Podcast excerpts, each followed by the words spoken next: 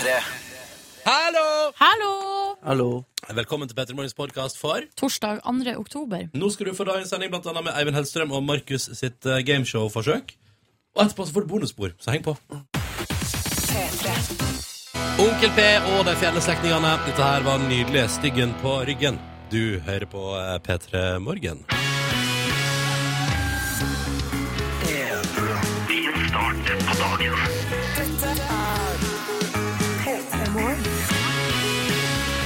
Snart åtte minutter over seks.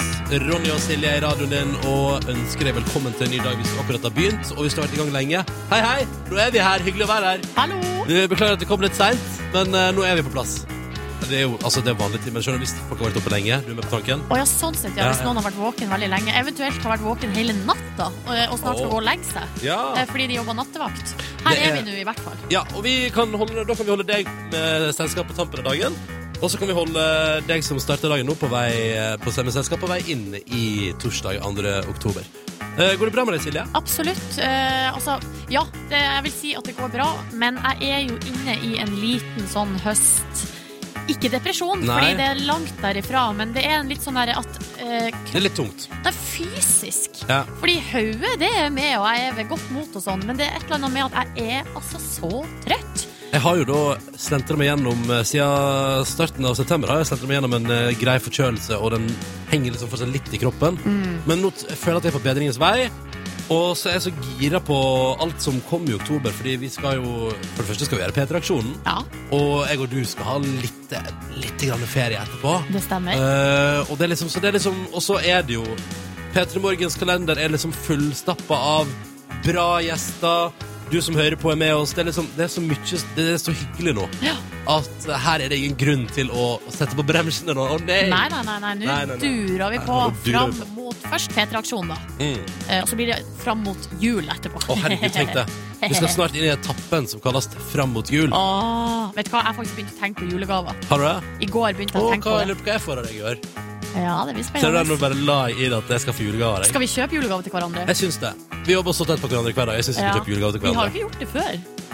Eller har vi det? Det, det var jo, var ikke det i, eh, var det i fjor at vi kom siste dagen på jobb, og så hadde selvfølgelig Live Nelvik kjøpt julegave til oss begge to, og vi hadde ingenting i retur? Jo, men jeg hadde jo gitt det henne, skjønner du.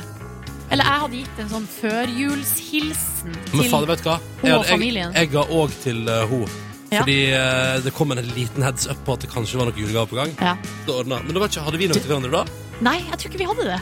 Veldig Men, kanskje vi, pinlig. men jeg føler at hvis det med julegaver og sånn man, Det er altfor tidlig å snakke om det, egentlig. Ja, men jeg- unnskyld. vi- nå må vi bare fullføre praten. At eh, man burde bli enig, sånn at man ikke står i den situasjonen at én kommer med gave, og så har man ikke noe tilbake. Ja, nei, men jeg, synes at, eh, jeg, synes, jeg har veldig lyst til å gi deg en julegave i år. Ok, Men da skal jeg også begynne å tenke på hva jeg skal gi til deg. Ja. Så kan vi jobbe med det i et par måneder fremover. Det er bra, det. Ja, Fint å ha litt ha god, god tid. god tid. Ja, det syns jeg er på sin plass. Uh, P3 Morgen ruller inn i torsdagen, og vi skal henge med deg. Og så vil vi gjerne høre fra deg også. Ja da, Vi prater om dette hver dag, men det er alltid like hyggelig å få tekstmeldinger inn fra deg som er med oss der ute, med kodeord P3 til 1987. Eventuelt, hvis du går helt bananas, hashtag P3morgen på Instagram, eller en liten eh, melding på vår Facebook-side. Facebook kom P3 Morgen. Du bestemmer. Vi er tilgjengelige, og vi liker å høre fra deg.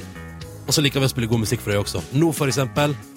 Åh, nå skal vi bare, det- nå bare drar jeg vekk musikken under der, og så gjør vi oss klare for noen deilige minutter sammen med Florence and the Machine på P3. P3. P3. Lillywood and The Prick på NRK P3 i P3 Morgen, snart fem minutter over halv sju. Dette her var låta som heter Prayer in Sea, og du hører på altså da radioprogrammet P3 Morgen. Jeg heter Ronny, er sammen med Silje. Hei. Og Silje, det er kommet en slags invitasjon til date i innboksen. Ja, riktig. Mr. Anonym, som hørte i går at du var singel. Lurer på om du var med på date? Ja, altså for det første, hvis man skal be meg på date, så må man eh, skrive under med navn. Ja. Det går ikke an å være anonym. Fordi altså, da blir det plutselig opp til meg å være sånn Ja, hvem er du? Nei, initiativet må ligge hos deg, da. Ja, nei, det er helt uaktuelt. Ja. Nei, det skulle tatt seg ut. Mm. Mm. Skal jeg ta en annen, en annen SMS? Ja, Uh, CNC-Jørgen han kjenner vi jo godt. Vi begynner fast, å bli kjent eh, med eh, han. fast morgenvenn. Tidlig, tidlig. Han er ute og tar buss. Mm. Vi får eh, stadig uh, oppdateringer fra hans vei til Er det jobb eller er det skole? Det har jeg ikke Det er vel jobb, ja. Han skriver i dag God morgen, rimelig dårlig start på dagen i dag. For seint til bussen, så det ble ingen kaffe på meg. Og når jeg kommer på bussen, ja, så er det noen som tar plassen min. Nei! Folk, altså. Det er fuck my life-stemning, ass. Ja. Ja. Men eh, i dag i morges på bussen så gikk det opp for meg, eller jeg tenkte over, jeg gjør jo det med jevne mellomrom, hvor viktig de der faste plassene blir. Du har jo fått en eh, ny kompis, du, Silje. Ja, som sitter rett bak meg. Der som jeg pleide å sitte. En eldre herre. Han sa hei til meg her om dagen. Gjør han det? Så hyggelig. Ja. Jeg har jo da tatt konsekvensen av at den plassen alltid er opptatt, den som jeg pleide å sitte på, så jeg har funnet en ny favorittplass. ja. Og det er på eh, Litt lenger bak i bussen så er det sånn at det er liksom to seter som stikker framover, og så på baksida er det to seter som stikker bakover. Men jeg skjønner ikke hvorfor du med vilje setter deg med ryggen til kjøreretninga. Fordi jeg syns det kan være deilig, og så er det et av de siste Det er liksom nesten garantert at ingen setter seg med meg. Ja, riktig. Fordi det er feil vei, og ingen andre liker å sitte sånn. Mm. Så det er litt sånn, det er en slags behagelig Jeg syns det er en behagelig tur, jeg. Smart. Og så kan jeg liksom se gatene forsvinne bak meg, ikke sant? Eller foran meg, eller så Ja, jeg skjønner. Ja. skjønner, skjønner. Tom André er også med, fastlytter han også, for å si det sånn. Han tar helga i dag, melder men så sier han at det er grått og trist ute i dag, det er det jo på Østlandet. Og så spør han når var sist, eller når var sist, vi gikk med støvler? Silje Nordnes, kan du huske det? Jeg pakka jo med meg støvler til hyttetur i helga, men hadde ikke bruk for dem. Eller, jeg hadde jo bruk for dem, men jeg valgte å ikke bruke dem. Så jeg valgte heller å bare soake joggeskoene mine maks i myra. Jeg tror det var nå i, i høst en gang at jeg hadde på meg støvler. Uh, jeg tror, lurer på om jeg hadde de på en gang på jobb. Uh, og også gikk jeg på trening med støvler. Ja, På tre... Oi! Inn Ja. på en yogatime der og bare heia! Ja, altså, nei, jeg, jeg hadde jo på meg sko da jeg gikk til Altså, jeg hadde på meg skotøy da jeg gikk til treningssenteret, Ja, og det var den dagen støvler. ja sånn, ja. Mm. Jeg skjønner. Synne melder her på SMS P3 til 1987. God morgen. Nå er jeg klar for en siste 14-timers dag. Og så er det helg, og Synne elsker det. Eh, takk for melding, Synne. Hyggelig å ha deg med. Lærer Karo skriver Ok, hva gjør man hvis man kom hjem for ca. en time siden og skal være på skolen om tre timer? Muligens en smule full fortsatt. Søv. Ja.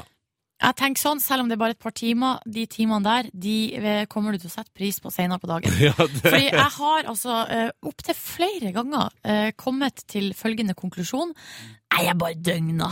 Det er mye bedre å bare døgne. Det er aldri, Eh, det er aldri bedre. Nei, det er aldri bedre. Eller Eh, nei, fordi at de eh, den søvnen er så viktig. og Man vet ikke hvor viktig det er.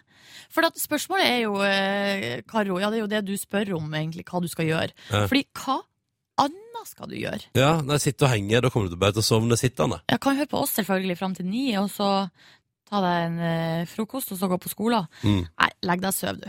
Ta deg, ta deg, et par timer, liksom. Det Ja. går bra. Så får du være litt sein på skolen i dag. Eventuelt bare droppe skolen, det er jo også en mulighet. Ja. Men det oppfordrer vi på ingen måte til her i P3 Morgen. Absolutt ikke. Nei, nei, nei, det ville vi aldri finne på å si. At du skal droppe skolen i dag. At du liksom kan ta deg fri og bare ligge der og sove og nyte livet, lese ei bok, se på dagtid-TV, drikke te. Nei, nei, vi ville aldri oppfordra til det, istedenfor å gå på skolen.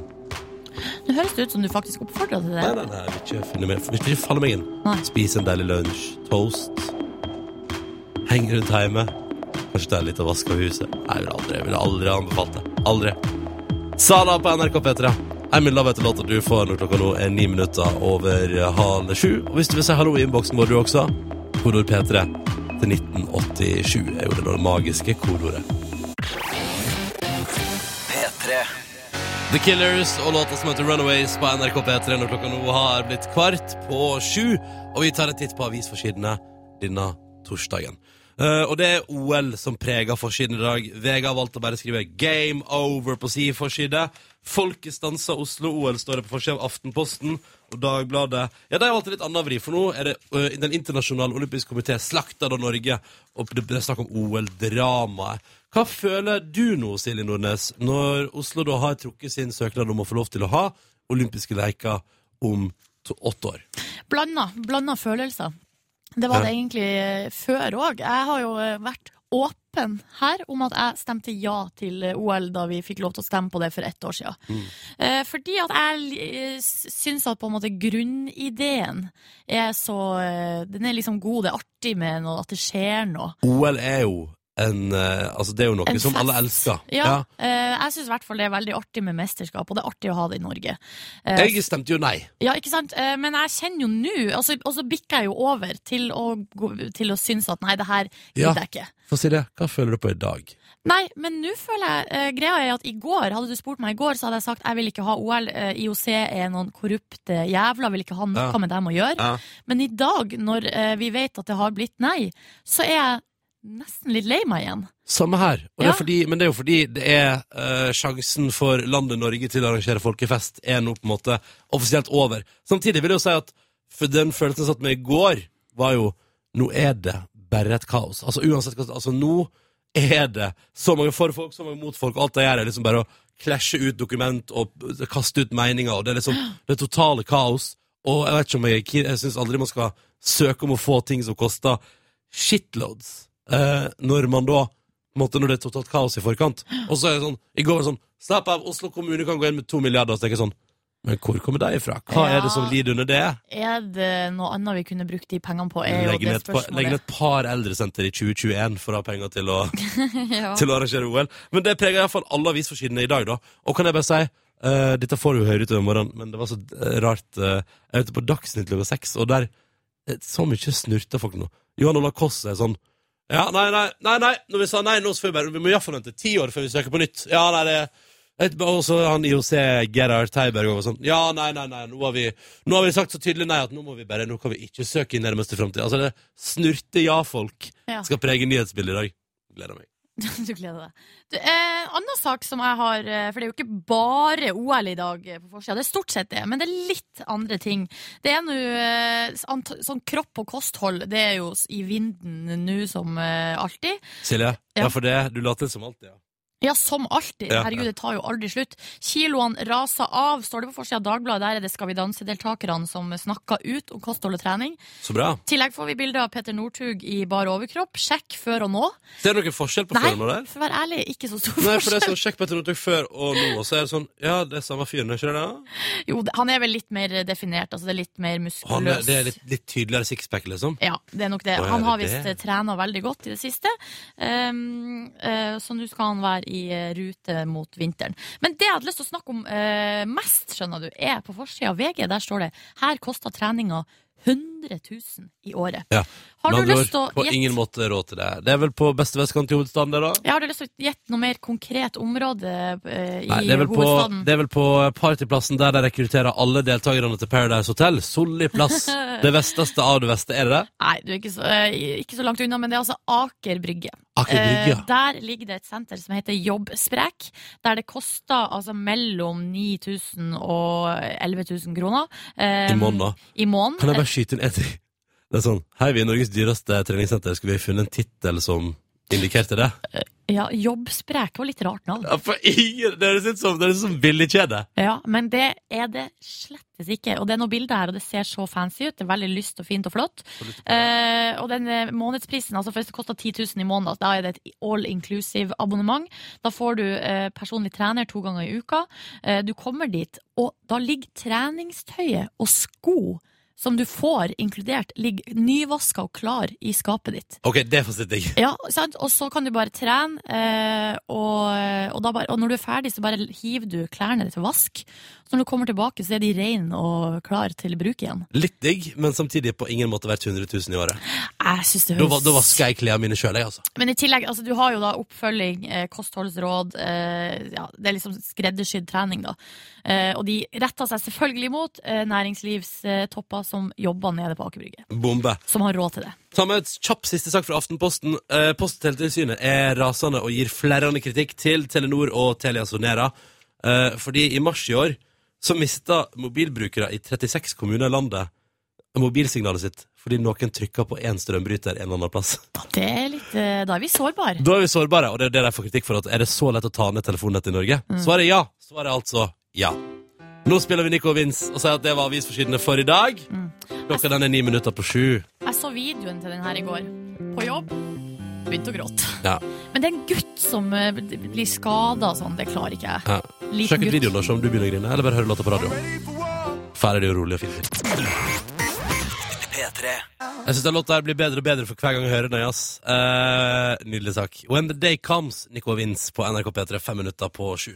Og vi sier hallo til Trøkken Nils fra Svelgen, som er ute og cruiser. Han skal til Sarpsborg for å laste bilen, og han syns det er konge å sitte og se på køen som snirkler seg innover mot Oslo, mens han ligger i motsatt kjørebane og bare cruiser opp i 90 der han bare nyter livet utover.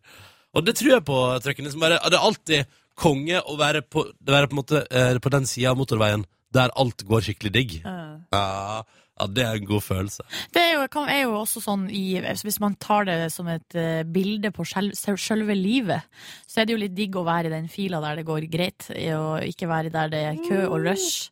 Rush! Maria har skrevet 'God morgen'. Bestilte en spontantur til Granka i går kveld. Jeg har ikke sovet så mye i natt, men nå er jeg altså på plass på Gardermoen og klar for Nei, avgang. Ja, men vet du, jeg elsker sånn impuls. eh, Hvis jeg har muligheten til å gjøre det, så gjør jeg det. Jeg husker jo eh, det nærmeste jeg har vært Jeg har, jeg har bestilt sydentur med fem dagers forvarsel en gang. Ja. Det var etter P3-aksjonen for to år siden. Da var jeg liksom på plass og skulle, da skulle vi gjøre P3-aksjon, og så hadde jeg fri etterpå. Og så tenkte jeg sånn Fuck it. Nå. Og så bare var jeg- så, Ja, så da var jeg liksom bare rett bare, kom, kom komme til Urgada da, da. Hæ?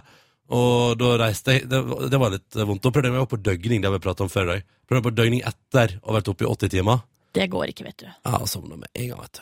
Våkna, Men da hadde jo disse jeg reiste med, selvfølgelig tatt høyde for at det kom til å skje. Så de hadde planlagt tre flytog før vi måtte. Smart? Veldig smart. Ja, ja. Ekstremt smart. ja. Skal vi se, ta med en melding også her fra eh, også ei som heter Maria. Sliter eh, med å velge mellom å øve på spanskframføring eller å høre på P3 Morgen, men har visst eh, gått for det andre alternativet. Hurra! Ha, ha en fin dag, eh, sier Maria. Eh, ha en fin dag, du også. Og alle andre der ute. Og lykke til med spanskprøver, da. Kommer til å gå bra, vet du, uansett. Det er ikke noe stress. Ariana Grande og Zed på NRK P3 og låta som heter Break Free i P3 Morgen. Riktig god torsdag til deg. For vi må aldri glemme at det er torsdag. Ha, det er snart fredag, med andre ord. og jeg så at resepsjonisten har sendt oss tekstmelding og skriver at nå er det bare to arbeidsdager igjen. Og så er det altså da personalfest og good times, ikke sant? Så resepsjonisten gjør seg klar. Hva skal resepsjonisten ha på seg når vedkommende går inn i personalfesten, firmafesten i helga? Sannsynligvis er det her han har hyggelig tale, god mat. Bare å glede seg. Bare å glede seg. Uh, dette er P3 Morgen som uh, gleder oss til konkurranse snart, og What Else Is There av Røyksopp og Karin Dreyer, for ikke å snakke om at vi skal spille Vans Join Me Riptide. Men aller først på P3. Seks minutter over sju med Vans Joy og låta som heter Riptide på NRK P3 i programmet som heter med P3 Borgen, da, vet du, som du hører på. Silje Nordnes er her. Yes! Jeg heter Ronny, og nå skal vi arrangere vår daglige konkurranse. Enkelt og greit. Så lenge det blir svart riktig på spørsmål, så går vi, og... og så går vi videre. Men idet noen svarer feil, så er det over for alle sammen. Bare hvis du har det i mente, så tror jeg du forstår hva det går i. Hei, Chris! Hei, hei. Du er tømrer, du er i Kristiansand, du er 26 år gammel. Hallo! Hallo, hallo. Hvordan har du det i dag, Chris? I dag er en fin dag, rett og slett. Skyfri himmel, og det blir sol. Så det er flott. Oh. Deilig, deilig. Kristiansand leverer varen i dag, med andre ord. Skal du jobbe Absolutt. utendørs eller innendørs, eh, Chris? Begynne utendørs, og så trekke meg inn innendørs, dessverre. Hva liker du best? Ja, du liker å være ute, sånn jeg tolka svaret ditt nå. Jeg måtte bare tenke meg om. Eller Ja, eller Det kommer litt an på været, selvfølgelig. Når det er, når det er surt og skikkelig regnvær, så er det ikke er det ikke alltid så deilig å jobbe ute. Nei. Men du er generelt sett en tilhenger av å jobbe ute så lenge været er godt. Absolutt. Så bra, så bra. Vi sier hallo til Vebjørn òg, vi. Hallo. Hallo, du befinner deg i Levanger, du, og er elektriker. Ja, stemmer. Ja. Hva liker du best? Innendørs eller utendørs? Nei, det Som kryss, da, så kommer det an litt på været. da, Men eh, jeg liker å holde på ute. Men jeg holder på inn for øyeblikket nå. da. Ja, ikke sant? Hva er det du eh, har slags planer for arbeidsdagen i dag? Uh, nei, nå har jeg blitt sendt en eh, ny plass, så jeg er ikke helt sikker på hva dagen bringer ennå. Uh. Men det er jo litt spennende, da. ja. Deilig. Deilig, deilig. Eh, det kan bli hva som helst, og kanskje dagen altså da starter med å vinne en digitalradio og ei T-skjorte her i Petter i morgen. ja, det har vært flott, det. Ja, ikke sant? Eh, men da syns jeg at vi eh, med våre to 26-åringer på tråden ikke trenger å nøle lenger. At vi rett og slett setter i gang. Chris, du er først. Yes. Er du klar? Ja. Bra. Da skal du få følgende spørsmål i konkurransen. Chris i Kristiansand. Hva Ja. er origami for noe? Origami. Ja.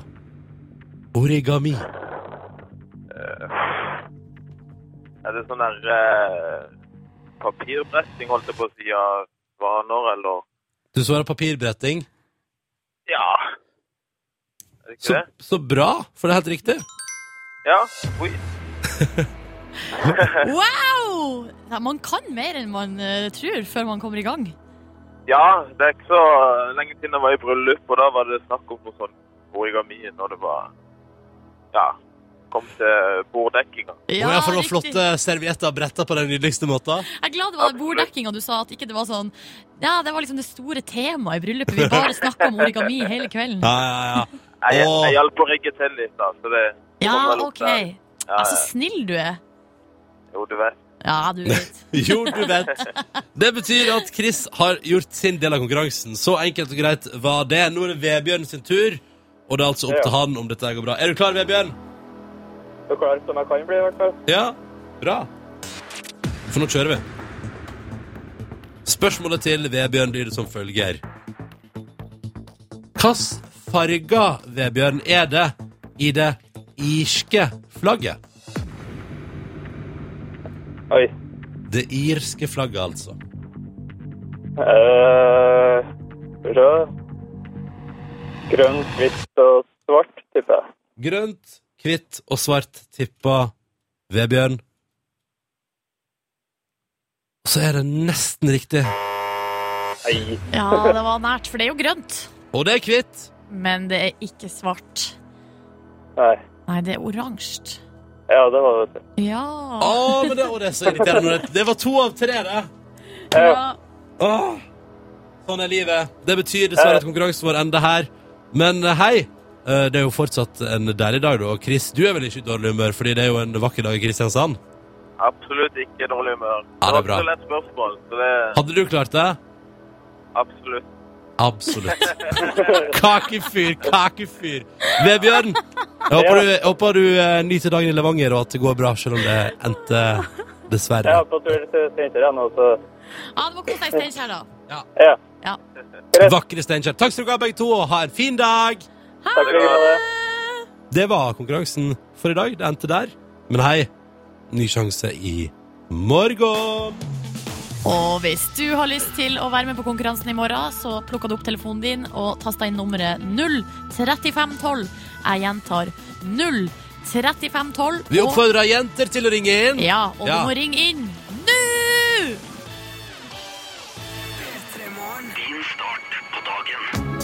Ja, Vi vil ha deg til å ringe inn nå hvis du vil være med i morgendagens konkurranse. Og altså da, jenter, hiv dere på tråden her, da. Kom igjen, bli med. Tolv minutter over sju. Straks så spiller vi nydelig musikk i, fra uh, Razorbats. Første røyksa på Robin. Karin dreier med deg. P3. For ei deilig, deilig deilig lita lykkepille av en uh, låt. Dette var Razorbats ny norsk musikk, 'Born in Blood', heter låta som du fikk på NRK P3. Hvor uh, Silje skal prate om uh, noe som jeg, jeg Altså, kan jeg bare si at eh, jeg visste ikke at eh, det du skal prate, jeg visste ikke at det du skal prate om nå, var et par engang. Er det sant? Jeg trodde Altså, nei. Bare ta det. Altså, er det sant? Eh, ja, OK. Nei, men da, ok, da må vi jo det, begynne lenge, det er lenge siden jeg slutta å bry meg om nyheter som handler om Ashton Kutcher sitt kjærlighetsliv. Ja, riktig. For det siste du fikk med deg, var jo kanskje da at han var i lag med Demi Moore. Ja, det fikk jeg med meg. Ja, Ja. Eh, Hun var jo mye eldre enn han. Det Det var jo et, eh, et forhold som ble ganske ble dekt i hu og ræva, for å si det sånn. Men var ikke, var ikke han Drev ikke han rotet med flere eldre kvinner eh, rundt der? Godt mulig. Eh, Jeg har jo ikke, altså, jeg har ikke utelukkende fulgt med på Ashton Kutcher, jeg heller, i det Nei. siste. Nei. men eh, det er nå sånn at etter at det ble slutt mellom han og, og Demi Moore, så gikk det litt av stund, og så ble han sammen med Mila Kunis. Ja, Som han også er kjæreste med i That 70's Show. Det stemmer! Ja. Eh, og kan jeg også bare, Fun fact, Mila Kunis, eh, helt fram til hun ble sammen med Ashton, var sammen med McCulley Culkin. Hæ? Ja, ja, ja. Alone-kiden? Han eh, gutten fra Home, Away, eh, nei, Home Alone, ja. Ikke Home and Away, nei. Nei, men Home and eh, Away. hjemme alene. Ja. Og, men, men eh, De driver og dater hverandre i den bransjen der. Ja, de gjør det. Mye ligging Eh, innad, i innad i skuespillermiljøet i USA der. Men etter hvert så endte de to opp. De to som jeg følte på en måte det har ligget i kortene at de skulle bli i lag Ja, for du hele de, veien. de spilte kjærester veldig godt i That 70 Ja, Show, syns du? I That 70 Show så er det jo da uh, Michael Kelso, som er Ashton Kutcher, eh, som spiller, og, uh, og så er det jo da Jackie, Ah. eh, som er eh, Jackie Burkhart. Som er først og fremst irriterende. Hun er irriterende, men er jo ikke litt fin òg. Altså, hun er jo den fineste Nei, Donna er den fineste i The 70 Show, men Jackie er jo liksom du, du vet at hun der Hun kommer til å bli noe sjøl om hun er sjukt irriterende. Eh, og Kelso er jo da han her kjekke idioten. Dumme. Ja, Ja, dumme. Eh, de to er jo et sånn on and off-par gjennom hele serien. Eh, og nå, i virkeligheten, har de to Ikke bare er de sammen, Ronny, de har fått et barn. Og det, det, det er det som er nyheten her, egentlig. da Nyheten er at Mila Kunis og Ashton Kutcher eh, fikk barn på tirsdag. yes. Ja, de ble foreldre. Så stilig. du Det And that's That 70 Show, baby. Ja, det er akkurat det det. Er ikke det Ja. koselig? Og så kan da, når den ungen vokser opp, så kan uh, mamma og pappa si sånn Se her, vil du se en video av at mamma og pappa driver og kliner og styrer på uten at vi er sammen? Å, det hadde jeg ikke tenkt på engang. Så, sånn så det ut før vi var kjærester. Tru så artig for og ikke bare unger, men barnebarna deres. Eh, som skal sitte og for om Og bli tvunget til å se hele That 70 Show på DVD. Du, jeg syns at den serien står seg. Jeg syns den er ganske Ja. bra. Kjempefin serie. Ja. Ja, ja, ja. Men den, altså, jeg lolla ikke av den lenger. Det er mer sånn Men gud, hva jeg lo da den begynte. Ja, samme her. Da Da flirer den jeg kom mye. på TV 2 der, Ja. holdt jeg på å revne av latter. Det var så gøy. Mm. Ja. Det kan vi tenke Altså, jeg litt har på. sittet mange ettermiddager eh, Det er vel sånn etter Halv seks brukte det ikke. Det var da det gikk. Da etter middag. Bare hiv i seg maten, bare spreng ut på TV-stua, eh, få på noe der 70 Show. Og lite visste vi da om at i 2014 skulle vi se at Kelso og hun Jackie eh, Skulle få barn. I virkeligheten! Ja, eh, livet imiterer eh, fiksjonen. Så gøy. Ja. Og tenk at jeg ikke visste noe om at de var sammen Ja, det syns jeg er så fascinerende. Ja. Der, der, er- der er det et uh, hull i min sladreinteresse, altså. Men mulig det er et godt tegn. For jeg bare går rundt og, og bare suger til meg denne type informasjon, helt ukritisk. Ja.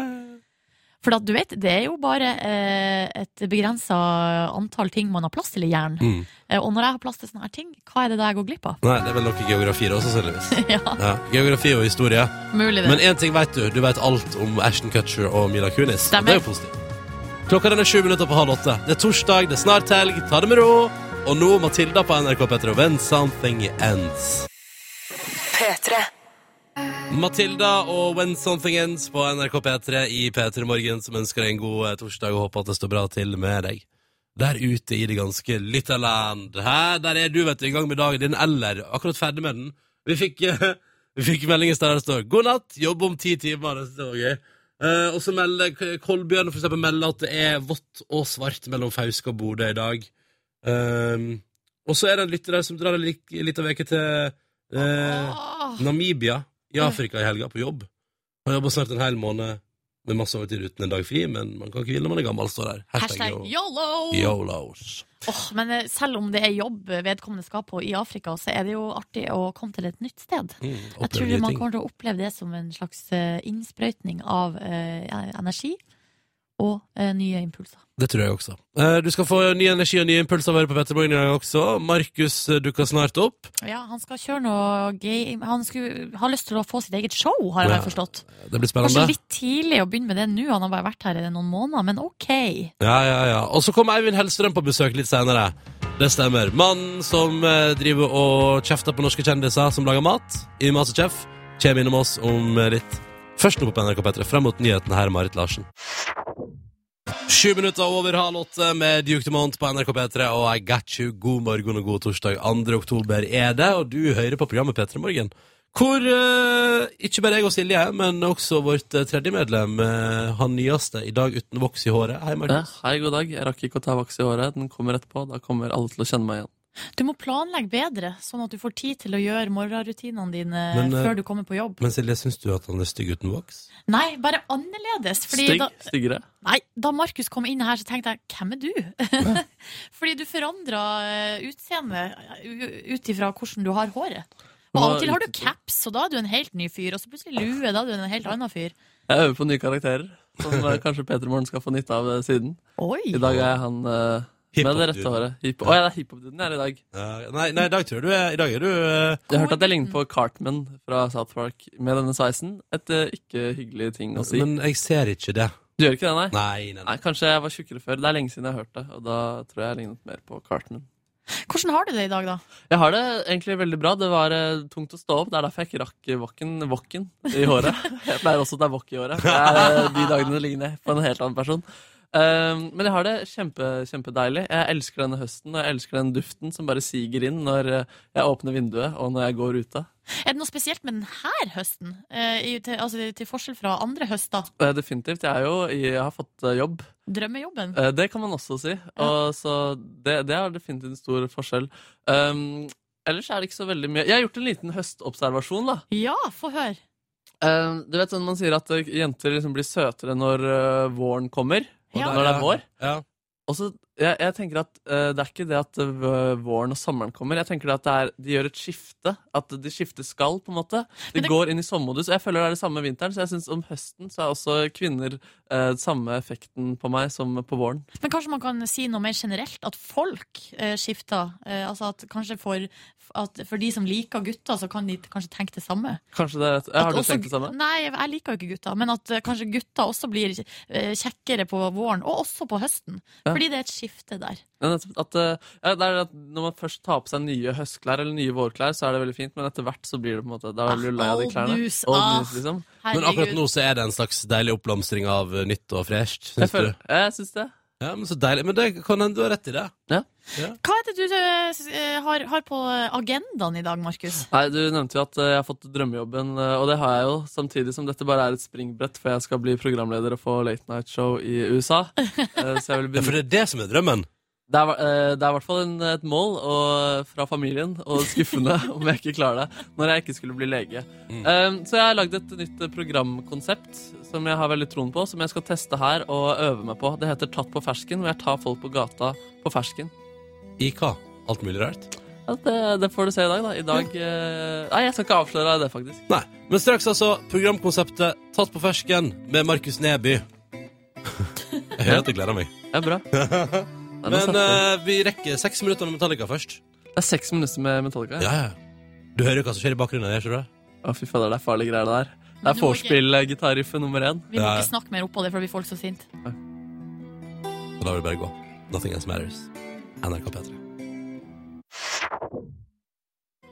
Hæ? Yeah. Jeg fikk melding fra en lytter som alltid er naken og hører på oss på kjøkkenet, som sa 'ikke prat over siste gitarsoloen'. Så da hadde jeg egentlig planer om det, men da gjorde jeg ikke det. Håper det var greit. Det var Metallica 'Nothing Else Matters' på NRK P3. Nå altså til Markus sitt nye programkonsept, som du håper å kunne ta- altså, kan hjelpe deg på veien mot din evige drøm om late night talkshow i Amerika. Definitivt. Eh, Det er et eh, programkonsept som heter Tatt på fersken, hvor jeg tar folk på fersken. Og kjenningsmelodien lyder slik Tatt på fersken med Markus! Ikke tro du slipper unna. Markus gjør de største funna. Han ser deg hvor hen du går. Han bryr seg ikke om du er 80 år, for det er tatt på fersken med Markus! Yeah! Jeg tok deg der. Så, sånn eh, lyder rett og slett den introen. Dere får lyst til å se det? Ja, Det er hyggelig. Kommer i godt humør av de greiene der. Eh, Så det er et konsept hvor jeg går på gata og tar folk på fersken. Og i dag skal vi få møte mitt eh, første offer. Mm. Eh, Det er en, en dame som har tatt på seg sekk. Jeg tror hun kan komme unna med at hun har tatt på seg sekk, så vi kan høre hvordan det høres ut når jeg oppdager hun. Der vandrer en jente bortover gata. Hun har tatt på seg sekk i dag og tenker at ingen legger merke til henne. Men det hun ikke vet, er at hun blir tatt på fersken av Markus Neby. Tatt på fersken med Markus! Hun har tatt på seg sekk og tror at ingen legger merke til henne. Så skal vi høre hva som skjer når jeg bøster henne på det her. Unnskyld, unnskyld, unnskyld. Du er tatt på fersken av Markus Neby. Den skjønner ingenting, tror du kan spille unna, og jeg konfronterer henne med det. Du går med sekk. Ja. Og hva, og hva er det du egentlig har tenkt å bruke? Hva er det du bruker den sekken til? Jeg har tingene mine igjen. Ja, du, det vet vi alle sammen at du har. Du er din syke, syke dame som tror du bare kan komme unna med ting. Jeg trodde du kunne komme unna Og så er det selvfølgelig, selvfølgelig en liten avrunding på dette elleville showet. Men trodde du at du kom til å slippe unna med dette? Eh, ja. Men så ble du bare tatt på fersken av Markus Neby. Hei, jeg heter Julie, og jeg ble nettopp tatt på fersken av Markus Neby. Tatt på fersken! Det var første episode av Tatt på fersken. Og uh, ja. Fortsett til følger, skulle jeg si. Oi, oi, oi, for et konsept! Ja, takk for det. takk for det. Men det her, eh, jeg tenkte primært altså her tenkte du på TV etter hvert. At, Er, late Night eh, show er på TV, ja. ja. Det er helt riktig, eh, Silje. Jeg syns det, funker det på radio òg, jeg. Jeg synes det gjør det. Ja, bra. Jeg har tilpasset meg litt. Måtte legge til litt latterboks. Det er jo norsk TV det er snakk om. Ja, selvfølgelig. Nei, det var konseptet sitt, Markus. Ja, tusen takk. Ja, ja, ja. ja. Sånn var det, fersken. Ja, Ja, ja. fersken med Ja. Markus. All righty. Klokka den er tolv minutter på eh, åtte. Snart kommer Eivind Hellstrøm på besøk til oss i P3 Morgen. Det gleder vi oss til. Men først The Knox Classic på P3. Deilig liten låt på NRK P3 på morgenen fra The Knox. Dette var Classic. Når klokka nå er straks sju minutter på eh, åtte. Og vi her i P3 Morgen kan si riktig god morgen og velkommen til deg, Eivind Hellstrøm. Tusen takk. Veldig hyggelig å være her nok en gang. Ikke sant? Ja, ja, ja. Du begynte å bli stamgjest, du, da? Ja, ja. kunne nesten blitt eh, programleder. Ja. Ja, det spørs om ikke det blir neste steg. Ja. Eh, Du har jo vunnet programlederpris på fjernsynet for en stund tilbake. Ja. Ja. Det jeg tenker på, er at eh, dere i radioen dere kan jo egentlig bare sette på en plate hvis det er noe som går feil. Det er helt riktig. Det er akkurat det Det vi er det kan. som er Og det hemmeligheten vår. funker ikke eh, på, i en restaurant. Nei. kan, men du kan servere noe sånn. Du kan si sånn uh, Dine er på huset. Amuse-bouche. En amuse-bouche. En uh, amuse-bouche. Hva betyr det? heter. Ja, det er en sånn gane, ganegleder. En ganefryder.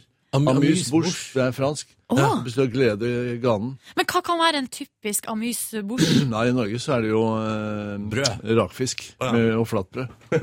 Å ja, men mente du nå at hvis alt går gærent, så kan man bare slenge på noe Slenge rakfisk, på så, rakfisk. så I går det hvert bra? fall nå. I hvert fall nå. Nå er det jo sesong. Ja, ikke? Er det er det, er det, det Og, som er lu- og lutefisk. ja, men er det det som er de store gledene ved høsten? Rakfisk og lutefisk? Nei, det kommer jo nå, da. Ja. Eh, lutefisken kommer jo egentlig tidligere og tidligere for hvert år. Nå er det snart lutefisk hele året. Men eh, jeg tror det er en offisiell åpning av lutefisken eh, nå i midten av, midten av oktober. Men hva tenkte du om det er lammekjøret vi er inne i da? Lammekjøret Ja. på fårikål og lamme, lammikål og sånn. Ja. Nei, det er jo øh, det typiske norske, da. At man øh, pøser på med og, og, og, altså, Det er jo en sesong, da. Selvfølgelig. Det er jo sesong for lam. Og da, da vil jo øh, I hvert fall de som er produsenter av dette, de vil jo at, At vi skal kjøpe det? hele Norge skal kjøpe sau, får og lam i den sesongen. Ja, gjør du det? Ja, jeg er jo veldig sesongorientert Ja. i forhold til at jeg mm, spiser naturlig mat og, og prøver å holde stilen i, i eh, og naturens rytme, da. Sånn ja. at det er asparges på våren, og det er jordbær i, på sommeren, og så er det eh, bringebær. Norske bringebær. Jeg kjøpte faktisk to kurver med norske bringebær i går, det sant? og det er jo sjelden vare. Altså bringebær 1. oktober i Norge. Det er jo sensasjonelt. Ja, men Var de gode, da?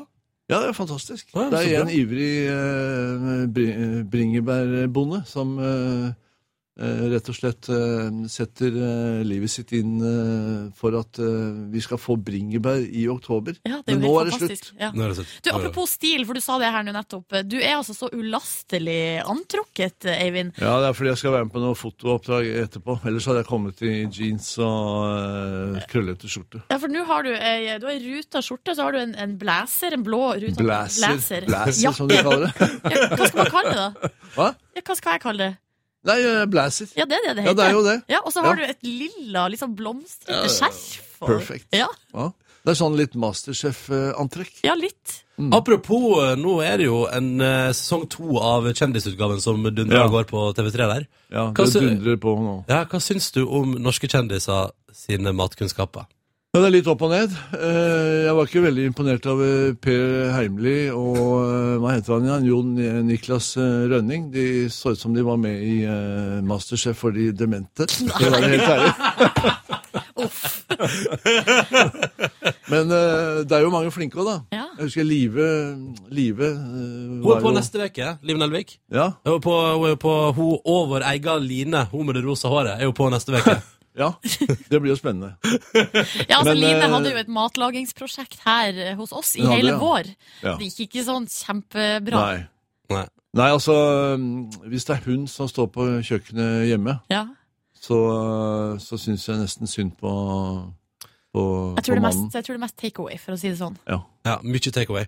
Det er mye Eh, takeaway, ja. ja. Men det er, jo, det er jo det som er fordelen. Da. Eller takeaway er jo ikke bra, det heller, for det er jo Altså, det er så mye dårlig takeaway. Oh, ja, ok, ja, vi skal ikke gå inn på den vi- debatten. vi må ikke gå vi ned det. ikke, nei, vi går absolutt ikke inn på det. Men, uh, men vi får se, uh, se hvor det går uh, utover neste uke med Line og Live. Men, men Eivind, vi må prate mer med deg om Masterchef, tenkte vi straks Ja. her i Petter morgen. Ja. Eh, og så kan vi si at hvis du har noe du lurer på der ute, kjære lytter, så er det jo bare å hive på en SMS. Kode P3 til 1987. Det er allerede, jeg kan røpe at allerede før vi gikk på luft her, så kom det noen bolognese-tips. For du sa at laurbærblad og stjerneanis i ja. bolognese. Altså, bolognese for norske folk er jo kjøttdeig og steke i en uh, kasserolle eller Ja, med panne tomat- med noen tomatgreier og sånn, da. Men eh, bolognese kan jo faktisk være veldig, veldig godt. Ja. Og koke spagettien riktig og det. Hæ? Bruker ikke du Nei. Ja, det er veldig enkelt å styre unna, men eh, bra, bra kjøtt. Utgangspunkt bra kjøtt. Ja. Eh, og Nei, er ikke, er ikke kjøttdeig godt nok heller? Jo, jo, men Ja. uh, det finnes uh, mye rar kjøttdeig òg, da. ja, det. Eh, jeg er alltid på jakt etter det beste. Av det beste. Alltid. Du har, aldri, du har aldri kjøpt den der lille pølsa som ligger i frysedisken med kjøttdeig? Nei, aldri vært i frysedisk. Nei. Nei. Eh, Eivind, altså, vi skal prate mer med deg straks i Petter Morgen. P3 til 1987 hvis du vil hive det på, du som hører på. Men uh, nå, to minutter på åtte, rekker vi en låt før nyhetsoppdatering. Til alle som er i dusjen der ute, dette er Becky G og Shower på NRK P3. Charlie XX på NRK P3, sju over åtte, og låta som heter Boom Clap. Jeg heter Ronny. Hallo, hallo. Hyggelig å være her. Er det med Silje Nordnes? Hallo, hallo. Hamarøyas stolthet. Ja. Og så er jeg sammen med Eivind Hellstrøm, Ja. som jo eh, for tida er å se eh, der han pisker kjendiser rundt på kjøkkenet i en ny sesong med Masterchef. Ja, jeg kan si som det er. Det er hyggelig å være her. ja, men Så bra. så bra Det er godt å høre. Eh, og det renner jo inn med spørsmål fra lytterne til deg, ja, ja. Eivind. Det skal vi prate om straks. Bare lurer på ehm, Hva syns du er gøyest? Er det Masterchef med kjendis, eller er det Masterchef med hobbykokker? Vanlige folk?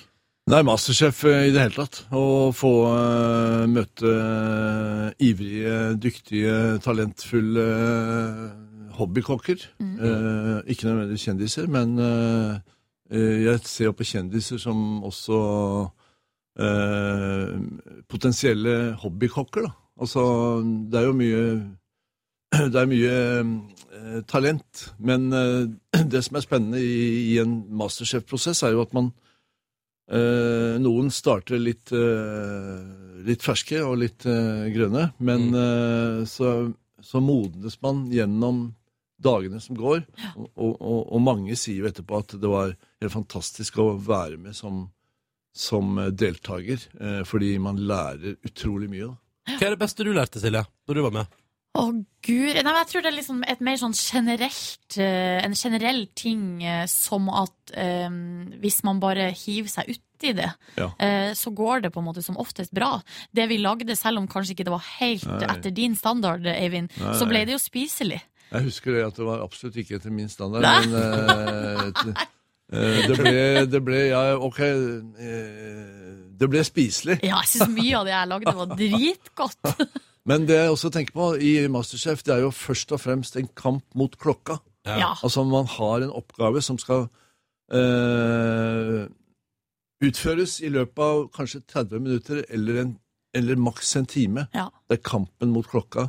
Og når vi som er eh, dommerne også har vært med i konkurransen eh, og, og kjempet mot deltakerne, så, så opplever jeg det som et vanvittig tidspress. Ja, for jeg skulle si, Når du lager mat til deg sjøl, da er Ja. det ikke noe kamp mot klokka? da? da Nei, det er det absolutt ikke. Jeg tar den tiden det tar, jeg. Og ja. bryr meg kun om at eh, det skal bli uh, bra mat. Men du, men du har vært utøvende i kokkeyrket mange år, Ja, Hellstrøm. jeg har et halvt liv Nei, et helt liv, faktisk. et helt liv. Og du har vært, liksom, du har vært i kokkelære i både Sveits og Frankrike og Norge, og du har drevet eh, Bagatell en periode, som jo da på det tidspunktet var en Norges periode på 30 år, kanskje. ja, ja. Men det var Norges eh, mest eksklusive restaurant da. Jeg regner med at du har på en måte fått din del tidspress og din del kjeft opp igjennom. Jeg har eh, vært gjennom det meste, og eh, i dag så kan jeg si at eh, når man har drevet restaurant i, eh, og holdt på med restaurantkjøkken i et helt liv, så, så tåler jeg alt. Jeg kan skryte av meg selv og si det. Ja. Jeg tåler det meste. Jeg tåler eh, utrolig mange utfordringer, problemer, og, eh, og kan eh, Og jeg vet at eh, det å lage mat, da, det er eh, Eller nå er det jo bare hygge og trivelig å stå hjemme på sitt eget kjøkken, eller uansett hvor jeg står hen. Jeg kan nesten stå hvor som helst.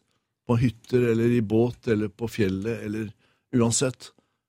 Eh, det å stå og lage mat nå, det er bare en glede. Og jeg er på jakt etter den gode smaken hele veien. Men når du driver restaurant, en helt annen situasjon. Men- du skal tilfredsstille publikum, du skal glede mennesker. Og du skal virkelig gi alt, da. Men det er jo en del myter liksom, om eh, kokkeyrket Ja. og det livet på kjøkkenet. Liksom. Og eh, for eksempel da søvn.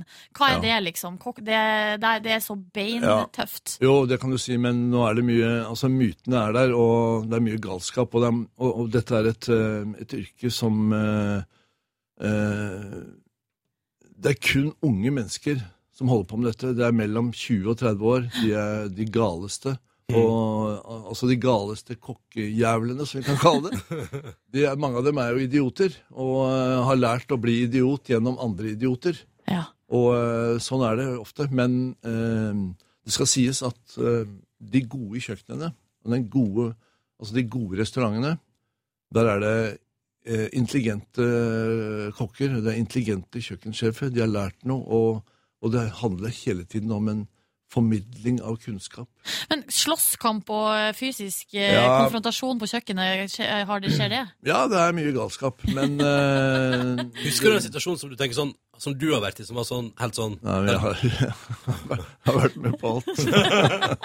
Men, Men uh, eh, uansett, da, så Ja. når jeg tenker tilbake på det nå, så er det slik at jeg står side om side med unge mennesker Mm. og, eh, og, prøver å fortelle dem noe, og prøver å lære, eh, lære dem det jeg har lært. Og det er det som er det viktigste. For jeg har, jeg har vært en lang runde, eh, som du sier. Jeg, Frankrike var én ting, Mm. men jeg har gått et langt, langt løp, og det er det jeg prøver å formidle videre eh, når jeg står med unge eh, Altså unge, sugende kokker, da. Som eh, bare har lyst til å lære. Det er på samme måte som du løper ut på en eh, fotballbane eller eh, i en eh, hockeykamp, og det er, det er liksom ikke tid til all den der hyggepraten. Det, må, det, er, det er korte pasninger. Alt skjer veldig hurtig. Alt skal skje der og da. Det er øyeblikkets kunst. Eh, en restaurant som, skal, eller som fylles opp, og med ekstremt store forventninger til produktet. Der skal man utføre greiene der og da, liksom. Man kan ikke sette på en plate. Sånn som vi kan på Det radioen skal her. skje der òg, da. Ja. Ja, ikke sant? Men ville du eh, Tenker du at du liksom Vil du gi liksom eh, kokkeyrket bla- Hvis man da ser vekk fra alle myter og sånn, vil du si sånn eh, Er kokkeyrket et yrke å satse på for unge folk? Absolutt. Ja. Eh, altså, det er Jeg kan si at eh, på mange måter så er det eh, spydspissene som, eh, som er de beste restaurantene, som, er, som, gir, som gir noe, da. Mm. Men på den annen side så er det den industrielle kokken som eh, i dag eh, står og kun varmer opp eh, industrimat. Altså det er, eh, det er ikke noe særlig spennende. Nei. Og, så det finnes kokker og kokker, da. Men alle skal ha mat. Alle skal Og ha mat. eh, det det institusjonelle kjøkkenet, eh, som også er fabrikkmat. Uh, og da er man egentlig bare en eh, person som eh, spretter opp kartonger og varmer opp eh, maten, og det er ikke noe spennende. Men når man er så eh, heldig at man kommer inn på bra restaurantkjøkken, så kan man virkelig oppleve noe som er helt fantastisk. Mm, det får bli en liten anbefaling der. Vi skal prate mer med Eivind Hølstrøm straks i P3 Morgen. Først Tove Lo og den låta her som heter Not on Drugs på NRK P3 når klokka nå er kvart over åtte. God torsdag, du. Not on Drugs, dette var Tove Lo på NRK P3. 18 over 8. Eivind Helster er på besøk i P3 Morgen, og det renner inn med spørsmål med kodord P3 til 1987. Eivind, eh, du et, eh, får et spørsmål fra Nikolai, eh, og han spør Når svidde du maten sist? Nei, jeg svir jo ikke maten, jeg. Du gjør ikke det? nei, jeg svir ikke maten i det hele tatt. Jeg er, jeg er fokusert når jeg lager mat, og om det er eh, hjemme eller om det er borte. Jeg er fokusert, og jeg vet at jeg starter i den riktige enden og eh, avslutter på en smart måte, og dette er altså For meg så blir det et, det blir et meningsløst spørsmål. Du sa en gang her hos oss eh, tidligere en gang eh, at eh, en av de store hemmelighetene på kjøkkenet er å kunne eh, på en måte operere varmen Varmen, godt nok. Ja, styre varmen. Ja. Altså ikke for mye og ikke for lite. Det er jo det som er kokekunsten. da. Ja. Og, eh, og det å eh, beherske varmen, det er eh, nummer én. Det er nummer én, ja. Ok, Vi har et spørsmål her fra andremekanikeren som spør Jeg skal lage middag til samboeren min i morgen og har lyst til å lage noe med kylling og tagliatelle. Har du forslag til en god saus? Kylling i Norge i dag er jo, eh, et, det er jo eh, redselsfullt eh, produkt. Nå, jo, jo. nei, nei, nå! Jo, jo. Det er, eh, nå er det jo nesten eh, Altså, nå har man begynt å snakke om kyllingen og, eh, og antibiotika Ja. og resistente produkter. Og oss- Man må egentlig ha på seg eh, vernedrakt når man skal tilberede en kylling. Men la oss si her at andremekanikeren Ja. har en kylling gående i hagen som han skal slakte Ja, i dag. Men hva, slags saus skal han ja. Nei, bare Eh, god saus. Jeg, jeg bruker alltid hvitløk da når jeg steker kylling. Ja. Og, eh, I lag altså- med, liksom? Ja, mye. Ja, ja. Altså, eh, da snakker jeg om eh, seks-åtte fedd hvitløk Å, hello. som jeg har med i kasserollen. eh, Med, jeg, og jeg steker alltid med litt eh, olje og smør. Ja. 50-50. Og på sånn relativt svak varme. Så jeg får en fin sånn gyllen eh, brun skorpe. Og så tar jeg kyllingen ut av uh, kasserollen. Ja. Og så lar jeg hvitløken bli igjen. Og så har jeg på litt uh, vineddik som jeg koker ned. Og så har jeg vann. Og så koker jeg det, sånn at jeg får en saus ut av det. Og så kan jeg ha på litt tomater. og Jeg kan Uh, I det hele tatt. Altså Bare gå, gå det er det, crazy. eh, det er det enkleste trikset av alle. Jeg koker ut eh, panna, eller jeg koker ut kasserollen. Og jeg tar vare på de saftene som, som er de naturlige smakene i kyllingen, eller om det er biffen eller kalvefileten, eller gud vet. Så du bruker Ok, ja, nettopp. Det, så det er et sånt generelt tips. Uh, lag noe saus på det Jeg står er ikke igjen. med masse kremfløte og smør og lager tjukke sauser og jevner dem med mel og sånne ting. Det gjør jeg ikke. Jeg lager ren mat, som er, uh, og jeg koker ut uh, panna eller kasserollen og bruker vann. Og jeg bruker mye olivenolje, og jeg bruker vin i maten. Og det er i grunnen trikset. Ja, riktig. Gregory spør eh, hva gjør nå Hellstrøm egentlig mellom første og siste episode hver uke i Masterchef? Ja, Fordi altså du, er det- der, du er der mandag og torsdag, men Mandag, og torsdag, ja. og tirsdag og så- onsdag, hvor er du? Ja, Da skal jeg brette ut eh, privatlivet mitt og fortelle nøyaktig hva jeg holder på med i den tirsdagen og onsdagen. Ja, nå er vi spent. Ja. Da eh, Jeg reiser opp og ned til eh, Kjøben, og så har jeg en del andre oppgaver. Og én ting er eh, at jeg driver med eh, kokebøker. Jeg lager jo én kokebok nesten eh, hvert år. og så eh, Hva gjør jeg ellers? Jo, jeg holder på med Jeg går tur med bikkja. eh, Han krever sitt. Han skal ut tre-fire ganger om dagen, og gjerne lange turer. Og så driver jeg med Utvikler eh, forskjellige produkter. og jeg har noe som heter hellstrøm.no. Ja, der er det noen oppskrifter og greier. Oppskrifter, bøker, Er det en blogg? andre produkter. Nei, Og så er det gode adresser, som er det viktigste av alt. Gode adresser i verden. Ja. Gode spisesteder. Ja, ja. Restauranter, kafeer, bistroer, brasserier. Og i, nå har vi foreløpig San Sebastian, Paris, New York, London, København. Og København er fantastisk. Ja, Ja, for Masterchef spilles jo da inn i, i Kjøben. Er, er København er det, er det noe av det beste man kan reise til, sånn matmessig? Ja, når man er glad i å gå Unnskyld. Det går fint. Når man er glad i å gå rundt på restauranter og spise godt, så er København et helt perfekt sted. Ja, Og Digg at det er så nært. Mm. Det er så nært. Så det er jo bra for oss. Det tar en time. Ja. Altså, jeg vil heller sette meg på flyet og spise rundt i København enn å gå rundt på rare restauranter i Oslo. Ja, riktig. Rare trøya. vi skal prate mer med deg straks. Og hvis du nå Altså, det er jo eh, bare å hive seg på SMS P3 til 1987 hvis du vil. Ja, og nå skal vi eh, straks eh, Vi har fått tildelt en bunke med kvitteringer fra deg, Eivind. Vi skal bli litt bedre kjent med deg gjennom ja, hva du bruker penger på. Ja, det er Gjennom privatlivet. pengebruken. Hva bruker jeg penger på? Følg med etter Gabriel Rios. Pow Pow og Alpha Waves på NRK P3. Sju minutter over halv ni. Ronny og Silje her. Og så har vi altså besøk av Eivind Hellstrøm, som eh, har levert et lass med kvitteringer til Silje. Ja. Eh, Nå skal vi bli litt eh, bedre kjent, Eivind. Eh, har fått, Brett, brett ut privatlivet mitt. det stemmer. Eh, har fått levert en haug med kvitteringer her. Eh, og jeg må si eh, det er eh, litt artig. Artig. Du bekrefter jo en slags eh, et inntrykk som vi har av deg. At her eh, går pengene hovedsakelig til mat og vin. Vin. Ja, eh, Og parkeringsbøter. ja, det er ei parkeringsbot her. Det syns jeg ikke var Det så er bare ille. én, det er bare én av mange. En av mange. Eh, her, føler jeg, her har jeg en kvittering som jeg føler er toneangivende. Eh, fordi her har du vært på en eh, matbutikk, en litt sånn fancy variant av eh, Ja, hvor da? matbutikk. Her er på, det her er Marsmanns matmarked. Ja. Eh, og her har du kjøpt Rørosfløte, Rørosmør, Rørosrømme, Røros Røros cottage cheese. Og så har du kjøpt en uh, Bjør moté cro de mi. Er det smør? Eller, jeg vet ikke, altså. Er det ost, kanskje? din. ja. Nei, det, jeg, jeg kan ikke fransk.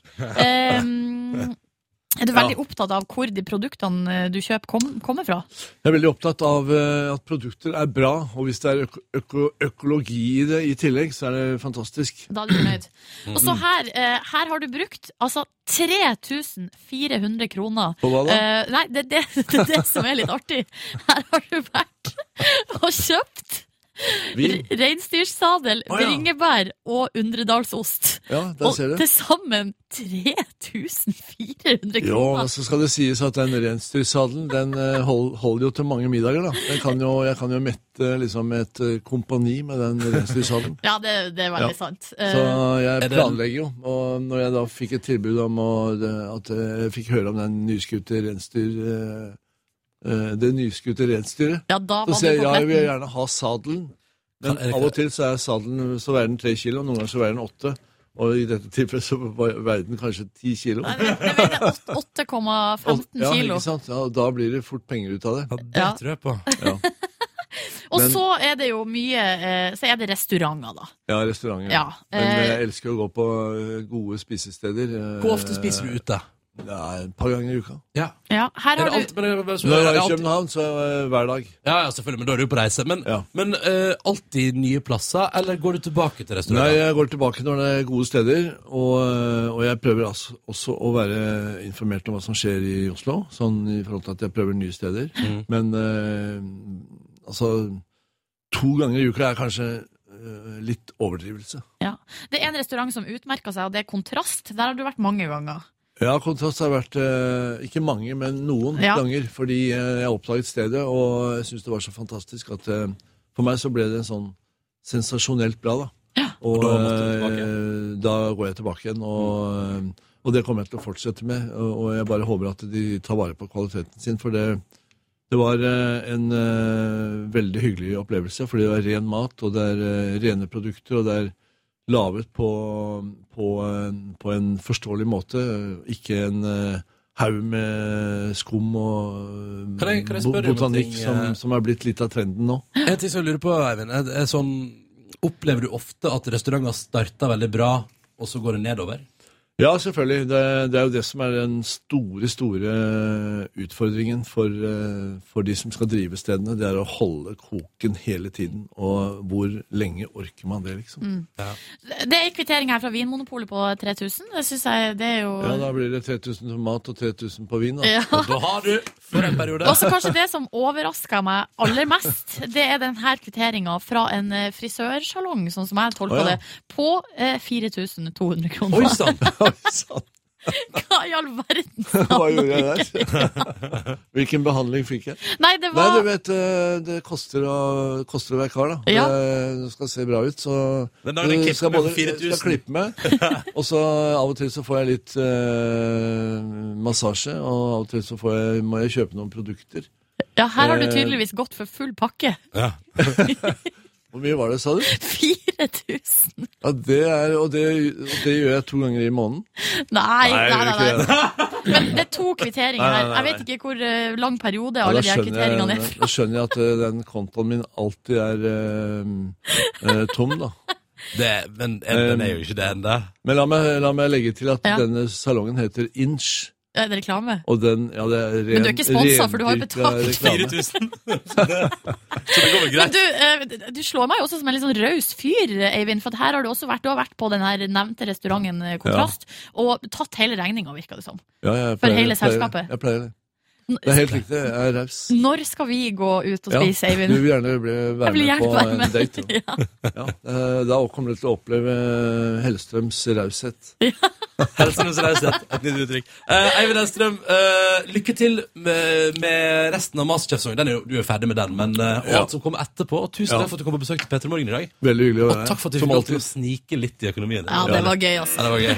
Nå spiller vi pokal i Petter Morgen. Dette er for deg tusen ganger til når klokka nå er tolv minutter over halv. The Dandy Warhols. Bohemian Like You på NRK P3 i P3 Morgen. Hvor jeg nå eh, skal svare på ei ut... Jeg har fått utfordring på Instagram, eh, Silje. Har du det? Ja, fra Jenny Skavlan. Hun har utfordra meg. Uh, og selvfølgelig, Det har begynt å bli et par dager siden jeg er litt treig på avtrekken.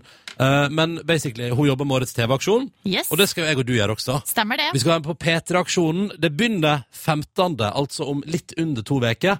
Så skal jeg og Silje, i lag med Niklas og Mathias fra Verdens rikeste land, gå inn i et telt på Trondheim Torg. Og vi skal være der, vi. I 100 timer og lage direktesendt radio for å samle inn mest mulig penger fra deg som hører på P3, til årets TV-aksjon. Det handler om rent vann. Det handler om bygging av brønner. Det handler om at flere folk skal slippe å gå sju timer for å hente vannet sitt. Ja, for det er jo det at eh, når folk, eh, og det er jo gjerne jenter da, som blir Mm. nødt til å bruke hele dagen sin på å gå og hente vann, og da får de ikke tid til å gjøre andre ting, som eksempel å ta utdannelse eller lignende. Så som en symbolsk handling så har da Jenny Skavlan utfordra meg til å gå 100 meter med ei 10 liters bøtte med vann. Og det skal vi jo gjøre i Trondheim òg, fordi vi tenker at eh, det er jo på ingen måte likt. Men symbolsk, da, så skal jeg og du og Niklas og Mathias sørge for at drikkevannet, drikkevannet vårt det må vi hente sjøl, og vi må gå i flere timer for å hente det. Stemmer. For det er jo realiteten veldig mange plasser. Mens du som hører på akkurat nå, bare åpner springen som sikkert er maks fem meter unna deg, og heller et deilig glass vann, så må andre folk gå i en evighet. Ja. Derfor da denne symbolske handlinga. Så da, skal vi se, da stikker jeg. Ja, du har fått på deg en radiosender. Hallo, hallo. Vi, vi har Hei, fiksa hei. ei tilitersbøtte med vann, og nå skal du gå. Ja, nå skal jeg gå. Ja. Så da tar jeg med det headsetet der, og så er det da på mitt Da er jeg på sånn. Skal vi se, hallo. Da er jeg i gang, vet du. Oi, Nå tar du med deg Ok. Jeg tar med meg hele miksebordet. Det er ikke bra. Ikke ta med deg hele miksebordet. Nei, skal vi se. Sånn. Ok, teknisk eh, Ja, selvfølgelig. Ja, men dette ordner vi. Sånn. Nesten.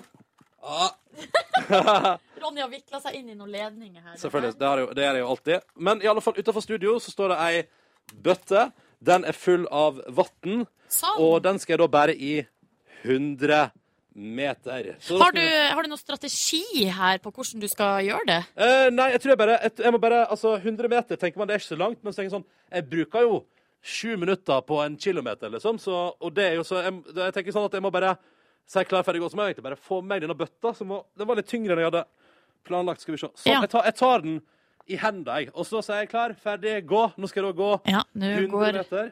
Ronny skal altså gå fra Jeg studio. ser, kan jeg bare si at jeg ser allerede et problem her. Og det er at jeg holder den inntil meg, men det skvulper, så jeg ser at jeg kommer til å bli våt, så jeg må endre taktikk. Og holde den Nei, den ble våt! Nei, nei, nei! nei. Sånn går det, vet du. Kan du ikke prøve å ta den på hodet, da? Får du til det? Skal vi prøve det? Ja, du... Oi, oi, oi. oi, oi, oi, oi. Ja, ikke mest den, da. Det blir jo jeg bare, jeg bare, Da må du snu og gå tilbake. Jeg holder den, og så unnagjør jeg disse 100 meterne mine. Ja. Uh, og det er jo en deilig utfordring, innser jeg nå, men det kommer til å gå fint. Jeg skal altså da gå gjennom gangen her i P3 og bort til kantina. Nå går jeg ut av P3s lokaler. Ha det! Gjennom en liten gang. Her er det en flott sånn banner med P3-logo og masse bilder. Og nå nærmer jeg meg da kantinen. Det lukter mat her. Jeg tror det er røst i torsdag. Det gleder jeg meg til å spise etterpå. Oi. Røst i potato. Hvor mye lenger må jeg gå nå bort hit? Skal vi se. Jeg må nå Altså snart har jeg gått 100 meter. 100 meter er skikkelig langt. Hvordan var det med pusten? Ah, litt tungt. Det er litt tungt. Ja. Men nå Å, det skvulper maten overalt der. Jeg tror jeg har lagt inn et spor av hvete. ja, men husk på at det er viktig at eh, vannet kommer trygt fram. Hvis Ja. ikke så er det ikke noe vits. Ja, Det er for så vidt et godt poeng. Der! Woo! 100 meter. Er du framme allerede? Framme. Der var det 100 meter der. Jeg yes. setter- Jeg setter frem bøtta. Men da har jeg gjennomført det. Og så er det jo Jeg ble litt sliten, vet du. Jeg ble sliten. eh, og så er det jo sånn der Oi, oi klissvåt på T-skjorta! Ja, ja, Ja, men det er for en god sak. Husk på det, for nå eh, høyner vi eh, kunnskapen der ute eh, rundt hva som foregår i eh, NRK i disse dager. Det er veldig, veldig sant. Og så skal jeg jo, eh, som en, et ledd i dette her, og så er jo poenget med sånn Instagram-greier, at man skal utfordre videre, ikke sant? Ja. Så tenk sånn, hvem synes jeg burde utfordre videre? Jeg tenker at jeg i alle fall skal utfordre deg, Silje, Ja. Og de to andre medprogramlederne i Petter-aksjonen. Na, Ma- med Niklas og Mathias. Ja, de skal utfordre. Kan vi bare gå rett på liksom Erna Solberg eller Mette-Marit? Eh, Jeg synes jeg burde gå dit, ja. Nei, jeg vet ikke helt. Er det sannsynlig at de Jeg tenker at det er mer sannsynlig. Jeg lurer på om jeg skal liksom hive på en invitasjon til Staysman, på en måte. Ja, Stian for Paradise! Er ikke det en god idé? jo, det høres ut som en bra idé. Mellom god stemning i kantina for øvrig. Så bra. Eh, og så skal jeg da poste på Instagram-kontoen min, og så skal jeg utfordre videre. Og så synes jeg at uh, du kan jo prøve, du som hører på, hvis du er keen, liksom. For jeg tenker sånn 100 meter med bøtte, og så tenker jeg sånn ah, men det er iallfall ikke 50 kilometer, på en måte. Nei, riktig. Nei, mens du gjør det, altså, øh, og du, Ronny, øh, setter fra deg bøtta og kommer tilbake hit i studio, så må vi spille litt uh, musikk. Ja, ja. Seks minutter på ni nå. Uh, hva har vi liggende, spør du? Jo, vi har The Lionheads med House of Cards. Bra låt, bra låt. P3. Bonusbord, velkommen skal du være. Hei, hei, jippi dabado. Mm. Jeg har spist røsti, jeg er fornøyd. Jeg har også spist røsti, og jeg er også fornøyd. Ja, jeg har også kjøpt meg en eh, dobbel americano hos Rosemarie i kiosken. Ja. Eller nå hennes kafeteria. Og så klarte ikke å dy meg, for de sto der og lokka på meg. Så jeg kjøpte også en gulrotmuffins fra Rosemarie. Hva med dere to, Naya og Markus? Cottage cheese med litt frukt. Jeg er ganske fornøyd med det. Nå hyller jeg over i litt kaffe. Det kommer jeg også til å bli ganske fornøyd med. Jeg hyller kaffen. jeg kaffe? du, er du på slanken, eller? Jeg? Ja. Eh, nei. Cottage cheese og nei. Jeg har gitt opp å slanke meg. Men uh, det jeg har funnet ut, er at jeg, uh, jeg leverer bedre hvis jeg spiser greit med mat, og hvis jeg faktisk jogger eller beveger kroppen to ganger i uka. Leverer bedre hvordan da? På jobben. At hodet mitt blir klarere. Eh, I går spiste du altså den eh, rareste lunsjen. Beklager hvis du føler at jeg utleverer deg, men da spiste du til lunsj Ja. to egg og en pakke med knaskerøtter. ja. Ja. ja, det Egg er så godt. Altså, jeg, jeg, spiser egg nesten hver dag, og så er det, er det Jeg er hadde ikke lyst på noe annet. Jeg tok en full pose med Men han hadde spist kake til frokost. Jeg hadde spist kake i tillegg. Å, men er godt. På bonusbordet så spiste jeg kake. Ja, det du gjorde spiste bare en halv kake. Ikke det engang. Du kasta hele. Jeg så i søppelkassa etterpå. Ja, men den var ikke noe god. Var det jeg skulle motbevise. At kjøpekake kan være godt. Du var uenig prøvd, har du prøvd eh, Hva heter den? Har du navnet på favorittkaka mi? Brownies. Fyrstekake? Nei, ikke fyrste, førstekake. Oi. Suksessterte.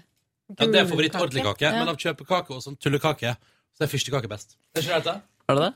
Kan jeg få lov til å lese opp eh, vi har, Jeg har jo en tråd som jeg går på Facebook med eh, seks venninner, så vi er sju stykker. Og den tråden den har vart, altså, den har vart i over et år. Eh, kanskje mer enn det òg. Og, den bare det- og det bare går og går. Hva handler det om? Eh, Det er sånn vi holder kontakt. Og det handler om stort og smått. Kanskje mest, mest smått. Eh, av og til stort. Av og til diskuterer vi litt sånn eh, fag og Alle alle journalister, da, så vi diskuterer litt sånn Det er Volda-venner. Volda-venninner, ja. Åh, Eh, I er dag hva kaller dere? Eh, Volda Vaginas. Er det sant? Nei, vi har aldri kalt oss det. Og plutselig her for ei uke siden så kaller hun uh, Jeg vil si kanskje den streiteste i gjengen. Yes. Laga et event på Facebook. Kanskje hun har desperat behov så jeg, som den streiteste til å utfolde seg i tekst. Jeg tror ikke hun er den streiteste, egentlig, men tilsynelatende den streiteste. Ja, ja, ja. Uh, Som da laga Facebook-eventet Julebord for Volda Vaginas. Men det er kjempegøy. når skal dere ha julebord? 5. desember. Kan jeg spørre om en ting? Ja. Kjære Silje. Kan Ronny komme og holde standup? Du kan komme og holde uh, Mette-Marit-parodien. Ja, det er den jeg er ettertrakta for. Du, nei, for det, det er det jeg skulle spørre om. Ja. Kjære Silje Nordnes. Denne Volda Vaginas-gjengen. Ja. Er, dere, er dere ikke alle sammen litt sånn til syn Dette er bare en teori og en fordom. Tilsynelatende sånn veldig sånn pliktoppfyllende good girls, hele gjengen. Det er en gjeng med flinke piker, det Ja, stemmer. ja. Mm. Men uh, har alle sammen råtne egg på innsida, hvis jeg kan bruke det uttrykket? Nei, men alle, de, alle er vel uh, hva skal, litt, altså Det er ingen der som ikke er glad i å ta seg en fest, f.eks. Ja. Uh, men det er jo Jeg må bare pusse nesa mi, for det bobler over her nå. Ja. Men jeg, bare fortsatt, jeg har lyst til å lese opp Her er et utdrag fra tråden. Ja. Som da eh, ble posta nå i eh, morges. Det har allerede blitt posta masse ting der i morges. Blant annet, altså, to av dem bor jo i lag eh, i et singelkollektiv der de i dag har fått levert på døra eh, bladet Motor. Yes. Eh, så det har de tatt bilde av da, og Ja. posta på gruppe på Det er en tråd, det er en som har skrevet en ting på Facebook, så har dere bare kommentert under Nei, er-. Nei, nei, det er gruppe. En, Det er en gruppe, ja. Eller en sånn messages. Men oh, ja. så er det ei her som ei venninne som posta eh, følgende. Dagens gladsak. Og da er det da saken om at Ashton Kutcher og Mila Kunis har fått ei datter. Og da er det eh, fordi kolon 1. De møttes da de var 15, aka det, var håp, eh, det er håp for gammel moro. To, hun fødte som 31 år- 31-åring, i parentes, litt under gjennomsnittet av den jevne Oslo-kvinne, altså førstegangsfødte. Tre, hun slår et slag for alle kvasikonservatister ved å være forlova, altså ikke gift når hun får barn. Fire, Disney-kjærligheten finnes, bare å senke skuldrene uh, til den single delen av tråden. Godt eksempel på why you shouldn't settle for less. Ja. Så det var da et innlegg her, da. Og så er det noen som skriver sånn Ja, helt enig! Og så plutselig eh, ha-ha-ha. Og så bare plutselig uh, Apropos, i går var jeg på krigsjournalistikksforedrag på Parkteatret. Uh, og så, rett etterpå det der igjen Hvem er med på sydentur til sommeren? Ja, ja, ja. Så sånn bare Shit, det høres ut som dere koser dere masse, da. du, Vi koser oss så mye, og det har, av og til så blir det utbasunert ganske sånn store ord, som for eksempel 'tråden er det eneste som holder meg i live', og så. Oi, såpass, ja. Men er det var det en god gjeng alltid? Hæ? Var det liksom alltid dere seks? Ja, eh, sju er vi jo da. Hun ene bor i Bergen, så hun eh, har vi jo ikke sånn daglig sånn fysisk kontakt med. Eh, bortsett fra på tråden, da. Ja. Eh, vi var en fin gjeng i Volda, men, eh, men det var kanskje litt mer fraksjonert på et vis. Fordi at eh, det var noen av oss som bodde i lag, eksempel. Og Ja. da er det naturlig at man tilbringer mer tid. Og så var det jo masse flere folk der. Så det var, vi var jo 60 stykker i klassen, så da var det jo andre, Det var mange.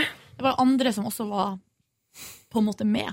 Og så er det jo da en, selvfølgelig en gjeng med gutter som også er Som vi har Volda Dix. Ja, Men det blir ikke det samme bokstavrimet. Volda Det høres ut som du sier Volda Addicts. Volda Volda Dicks. Ja, er det sant, det? Volda Addict. Volda Vold Volda Wyrst! Kanskje jeg skal foreslå Og greia, ja, grunn, bakgrunnen for det julebordet er jo at eh, de Volda-guttene har alltid hatt julebord. Eh, og så har vi vært Hvor mange er de? Eh, de er litt flere, tror jeg. Ja. Så vi har alltid vært litt misunnelige på dem, eh, så nå skal Volda Vaginas også ta tak. Men det- med Facebook-chat det synes jeg er litt interessant, fordi eh, jeg bruker Facebook altså som eh, jeg jobber på MSN i gamle dager, og alltid gjort det. Og så er, det så mange som er overrasket over at jeg gjør det, og, andre som sier jeg har begynt å chatte. Det er litt sånn gøy. Det hadde jeg glemt. Hvordan, hvordan stiller dere det til chatting på Facebook? Jeg er ikke så fan, jeg. I begynnelsen så, hadde jeg, så skrudde jeg av hele funksjonen. Jeg sto som Er det off, sant? ja, Oi. Jeg var som offline hele tida. Men det følte jeg litt det var for at jeg følte at det var mye folk som, ja, som behandla Facebook-chatten sånn som MSN. Ja. Så det var sånn random folk som snakka til meg hele tida. Det er sånn, gidder jeg ikke. Nei. Ok. Men nå det- er det slutt på det. Du chatter ikke i det hele tatt? Chatter på tråden. Eh, eller hvis jeg plutselig altså hvis jeg, hvis jeg skriver noe til noen, og de svarer med en gang, og så går vi liksom plutselig inn i en sånn. Det kan skje. Men det er som en SMS mer, hvis du liksom vil si noe. Litt. Ikke bare for å si 'hei, hvordan går det?' Ja. Bla, bla, bla. Jeg syns òg det fungerer litt sånn som at jeg føler at jeg bruker Facebook-chat for å overbringe beskjeder. Og som oftest, denne tråden er jo sånn at som oftest så fungerer den jo på en måte litt sånn som SMS. Eh, men så har det hendt f.eks. en ettermiddag. Eh, nå tydeligvis er det, nå er det stor aktivitet der, så nå har sikkert alle kommet på jobb og logga seg på. Ja. Eh, men så hender det av og til sånn som på kvelden at plutselig så, så sitter vi tydeligvis alle hjemme hos seg sjøl og har ikke noe annet å gjøre. Så da går det jo veldig sånn. Vold. Men så er det kanskje én person som ikke er på da. Som da, når den personen logger seg på Facebook, så er det liksom 90 notifications. Å, shit. Det er Så, sånn går det da. Men jeg bruker i hvert fall Facebook som chat, da. Men ikke sånn random eh, folk, men jeg har liksom tre-fire som jeg chatter ganske hardt og aktivt med. Ja, riktig. Gjennom hele dagen også. Hardt! Hvem er dette her? Uh, det er eh, litt forskjellig Det, det er nærme folk som er Venner, ganske liksom. nære. Ja, og så bruker jeg selvfølgelig til beskjeder også, da. Mm. Men uh, ja, jeg, jeg syns det er skikkelig hyggelig, og det kan, man kan komme inn i det. Man kan dele linker og Wow, kule. YouTube-filmer og litt musikk og hvordan var det på jobb i dag og ja. Ja, kanskje mest det jeg bruker til å dele linker og sånn. Ja. Mm. Ja. Jeg har oppretta en tråd med brødrene mine nå. De er litt slapp. De vil ikke være med på. Ja, du- Men du prøver? Nei, eller jeg bruker, Når jeg kommer over eh, nettsaker og sånn som handler om ting som vi har felles, Det er gjerne Game of Thrones, eller så er det for eksempel eh, Malcolm i midten, eller Scrubs. eller sånne serier som vi har sett på i lag, da. Eller Harry Potter. Så eh, diskuterer vi det og ja. Koselig. Ja. Det er koselig, men de er litt slappe, da. De sender litt, veldig lite tilbake. Ja, sånn er mine brødre òg. Vi har ikke noe tråd, da, men jeg vet at de ville vært det. Ja. Jeg vil dem, men de vil ikke meg. Jeg chatter med fatter'n nå, jeg. Gjør du det? Ja, det er superhyggelig. Han bruker litt lengre tid, da, fordi han er litt knotete med Jeg tror han sitter på iPad, og syns det, litt, så det tar litt tid mellom hvert svar, men jeg kan se at, den, at han skriver. Kan jeg få lov å si en ting om eh, iPaden, eh, i hvert fall min, som er sånn at eh, du vet, når man er inne på nettsida, eh, og så har du et felt ikke sant, der du skal skrive i, så trykker man på det feltet, og da dukker på en måte tastaturet opp Ja. sånn stort. Ja. Uh, og da er det et eller annet med min iPad som gjør at av og til så bare forsvinner Ja. hele tastaturet. Men da, og hvis jeg da på en måte er midt i en tastebevegelse, så idet tastaturet forsvinner, oh, så, så trykker jo jeg på den linken som er bak. Oh. Ja, fy faen, jeg, jeg klikka over det. Lyst til å Men har du, oppdatert, har du oppdatert iPaden din? Ikke til IOS eh, 8, nei. Nei, nei, men det kan godt hende det løser det. Mm, ja, men problemet vet, jeg, jeg, Nå er planen min at jeg i forbindelse med min 30-årsdag skal kjøp Mac. skal kjøpe meg en Mac. Så nå Du mener vel planen i forbindelse med din 30-årsdag at du først og fremst sjekker om du får deg i gave? Og, så, ja. og dernest ja, kjøpe? ja, ja, ja, jeg skal sjekke om jeg får det i gave først, og så hvis jeg ikke får det, så kjøper jeg det rett etterpå. Uh, og da greia jeg at nå skal jeg vente med å oppdatere uh, mine ting, ting og tang uh, til jeg har fått tatt en decent sikkerhetskopi på noe som jeg har hjemme. Mm. Så telefonen min er jo helt mongol... Nei, det er ikke lov å si. Det er Det er ikke lov å Det er faktisk ikke lov. Der gikk jeg utafor. Ja, det det var uventa. Ekkelt, Silje. Du må klippe det ut. Kan ikke du beepe det ut? Nei da. Nei, jeg beklager det der. Eh, Det var en slipp. Men eh, nei, det, Jeg så du prata på heimbane, dette der. det er sånn du prater på heimebane. Æsj. Hva gjorde dere på i går da, folkens? Spilte basket. Igjen? Ja, jeg skulle egentlig spille fotball i dag. Men eh, siden han jeg arrangerte det med i dag, skulle feire at bestekompisen hans hadde gjort Kaja Gunnufsen gravid, så måtte, så måtte vi flytte det til i dag. Og da var det vanskelig å generere folk, så da ble det bare basket, han og meg. Eh, Så kom det en liten han tolvåringen som driver og er der. Og Han som bare, du føler deg litt ukomfortabel rundt? Nei, men det er bare sånn, det er Har du ikke lyst til å knuse trynet på han? Eh, Nei, det er ikke. han er, han er altfor søt for det, faktisk. Og, Åh, liksom, men det er sånn at vi står og spiller, og så er han ensom på basketbanen, liksom. Og så bare kommer han bort til oss og bare begynner å skyte på målet uten at vi egentlig snakker til han, og så blir han bare med, da, og så er det på en måte litt hyggelig, men vi får ikke vi får ikke hva han løpt heter? noe. Abdi. Mm. Men eh, altså, det som at han er ensom, at han ikke har noen venner? Nei, jeg, jeg spurte om det, da. Liksom, hvor bor du, og går du på skole, og er det gøy, og sånn. Og så, da var det at han bodde vegg i vegg med basketballbanen. Så er Sånn det sikkert ser når det kommer folk. Eh, nei, han sto, sto der alene, men jeg tipper det er sånn at han bare går ut alene. At han ikke spør folk. Men han bare henger litt. Ja, fordi han er litt sånn sjarmerende. Og det var, det var Og sånn, tenk om han er ensom. og ble skikkelig sånn ja, det er litt, det er litt sant. Men eh, så vi, vi spilte basket, og så sa jeg at han var elendig. Og, at, Nei, men- og så spurte han hva det betydde, og så sa jeg dårlig. Og så begynte han å si til meg at jeg var helt sykt elendig hele tiden. Og så ble det en sånn tullegreie om at jeg alltid bomma at jeg var elendig. Så syntes han det var veldig gøy. Men du, det her, eh, for meg høres ut som at du er i ferd med å bli en slags mentor. Eller Big Brother. En big brother. Ja. Ja, men er, Man får litt den følelsen, og det er derfor det er litt hyggelig. Men det er sånn, jeg går dit for å trene, for å bli sliten. på en måte, og Jeg kan ikke løpe ned en tolvåring som uh, ikke følger reglene. Han følger ikke reglene. Nei, og det er liksom Og han kan liksom Med basket så kan du ikke ta ballen i to hender og løpe, liksom. Han, kan, han gjør det, da. Oh, ja, og så sier han sånn oh, Han løper forbi deg, liksom. og så skal du synes det er sykt fett hver gang han treffer kurven, og, og så kommer han med en fotball og vil sparke fotball. Og, men jeg fikk løpt litt, og så begynte det å regne, og etter det så dro jeg på og spiste en Munchies-burger. Det var eh, kjempedeilig og godt å få inn i kroppen i går. For jeg sovnet eh, ganske tidlig i går også. 22. Shit, man. Shit, man. Du er noe annet som var interessant. Jeg tror jeg så på litt Tim and Eric, og så var jeg eh, Oi, ante jo hva jeg Nei, det var, det var, det var stort sett det. Det var stort sett det. Jeg lagde jo bolognese i går. Ja, ble det godt? Eh, ja, eller, men før det var jeg jo tok massasje.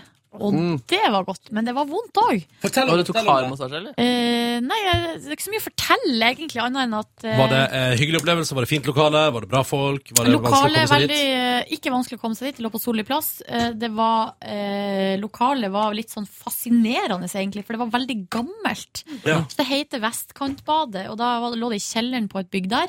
Eh, Virka som at det har vært eh, på en måte sånn type offentlig bad der veldig, veldig lenge. Så jeg ble på en måte vist inn i en liten bås der jeg skulle ta av meg klærne, og der var det badekar, og det var ikke måte på. Eh, Alt var flislagt. eh, Gulv, vegger, alt var flislagt med sånne små fliser. Sånne Mosaikk? små- Nei, ikke mosaikk, men det var hvitt gulv og helt sånn mørkeblå vegger. Veldig spesielt. Eh, hun som masserte meg, var ikke norsk, eh, men jeg klarte altså ikke å få taket på hvor hun var ifra. Nei. For at hun snakka svensk med en annen aksent. Jeg tippa eh, kanskje Baltikum. Altså, er det ikke det det heter? Øst, Estland, Latvia-ish. Men hun var veldig søt, og så var hun veldig sånn Skal jeg være hardhendt? Så sa jeg ja, prøv, bare ta litt i, så kan vi se hvordan det går. Og det var så vondt. Og tok Yes. liksom hele baksida, da, fra, eh, helt fra hælene og opp til nakken. All muskulaturen bak. Eh, og det viste seg jo, som jeg hadde en mistanke om, at eh, lårene og rumpa mi på baksida, det er altså så eh, Der er det dårlig stemning. Nei, hvordan da? Er det bare stivt? Det er liksom? så stivt, ja. Ja. Men det er vel fordi du trener mye styrke, da? Ja, men eh, ja, altså, ja. Er ikke du som jobber mot definerte muskler, Høsta Silje? Jo, men det, har- det har ikke noe med stivhet å gjøre. Nei, nei, bare spør. spørsmål Eh, jo, altså, det, men Men har ikke litt det? At de blir sånn så- støle og såre? Jo, men eh, man kan jo Jeg tror man nok man kan gjøre grep for å unngå det. Ja. Eh, når du nå jobber med mer muskler i høst, tar du sånn bilder av deg sjøl i speilet regelmessig for å liksom Jeg har Ah. faktisk tatt et bilde, ja. Har du det? Men det var jo før var før sommeren. Er det et før-bilde? Nei, nei, men nei, nei, det er ikke sånn jeg tenker på det. Og jeg trener jo mindre styrke nå enn jeg gjorde i vår. Sånn at det at jeg har sagt at jeg jobber mot mer eh, muskler, er overdreven. Silje? Ja. Du ser fitt ut uansett. Oh, hello, Gjør thank det. you. Gjør det. Ja, det gjør det. det, gjør det. Ja, det er dere andre òg, altså.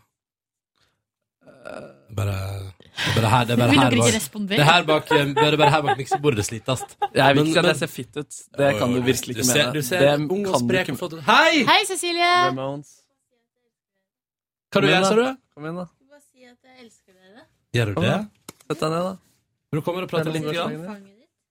Utover det lagde jeg bolognese og var på korøvelse. Men uh, husk på det at eh, det er sju minutter vi har møte, Ronny. Ja, jeg kan ta kjapt gjennom min dag, da, hvis du ja. vil høre det. Er dere Ja. interessert? Cecilie, er du interessert? Jeg er interessert. Ja. Cecilie skal være med og drikke fredagspils i morgen. Hun og, og Siggen har Ja, avlyst sin kinodate for å bli med og drikke fredagspils. Tok du meg på rumpa nå? Uh, ufrivillig. Men jeg angrer ikke. Ja, det er Ah. en trusestrek i dag. Beklager. Eh, I går så gjorde jeg følgende. Gikk hjem, spiste quesadillas til lunsj, så Bar Rescue, hørte på Hallo P3s i sending der Oslo ble kåret til Norges styggeste dialekt. Var det Oslo? Ja, direkte fra Karl Johan. Fantastisk intervjuobjekt. Der var blant annet to jenter på 16 år som, da de fikk høre dette, responderte med Nei, nei, Oslo er fint, det er bare alle de andre dialektene som er stygge. uh, så det var mye bra intervjuobjekt der, og en sånn nynorskhater. Det var mye, mye snacks. Uh, og så putter jeg ned til sentrum og møtte min kjæreste når hun var ferdig med sending omtrent. Eh, og så gikk vi og spiste en deilig pizza, og så reiste hun av gårde med flytoget og tilbake til Trondheim. Da så jeg mitt snitt til å på vei hjem igjen stikke innom min lokale pub, som jeg omtaler som Central Perk. Der tok jeg og Kristoffer to øl, prata om livet, satt under varmelampene ute og kosa oss.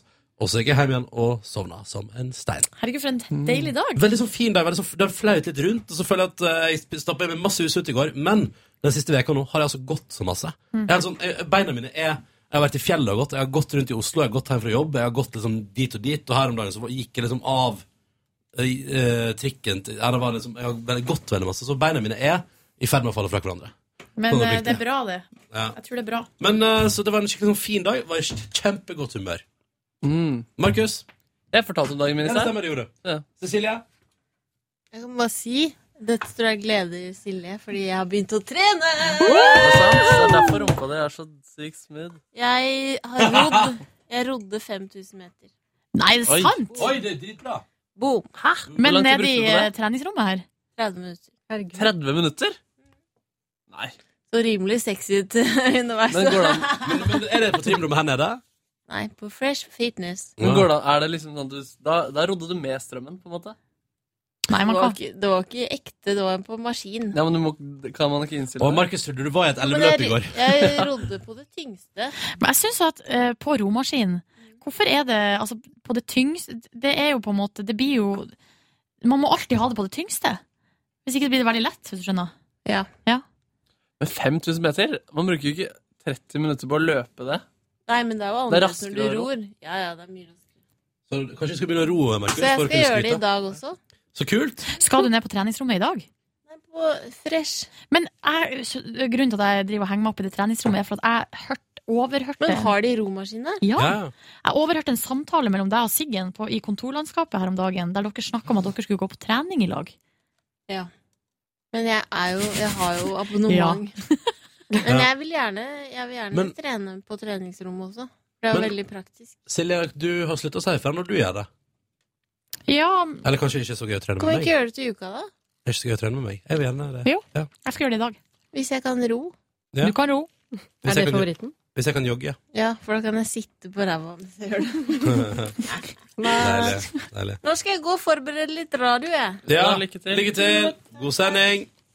Du kan også laste ned Ramona og Sigge på podkast hvis du vil det. Ja, det burde du gjøre. Eh, Å, nå nei, følte jeg det var fredag. Uff, Det er nesten fredag. var det torsdag. Smell. Håpa. håper. Nei, ja. Ja, i går så, så var jeg skikkelig balletrøtt. Nei, men Altså sånn absurd trøtt. Ballsy tired. Yes. Sånn at jeg nesten ble altså, helt sånn der skjør, eh, skjørt vesen. Mm. Eh, eh, etter jobb så var jeg faktisk Det gleder jeg meg til. Men, eh, eh, så var jeg hos en psykolog. Fordi at jeg skal være sånn eh, case Altså jeg er ikke med å jobbe med det, men case i et program om en stund. Ja. Da måtte jeg liksom dra dit først, for at de kunne sjekke. At du er tilgjengelig. Ja, At at du går- takla det, liksom. Ja, at jeg takler det. En sånn beskyttende instans. Men gud, så spennende. Veldig spennende. Jeg var veldig spent på å gå til psykolog, men det gikk så fort. Altså, Du har lyst til å være der lenger. ja.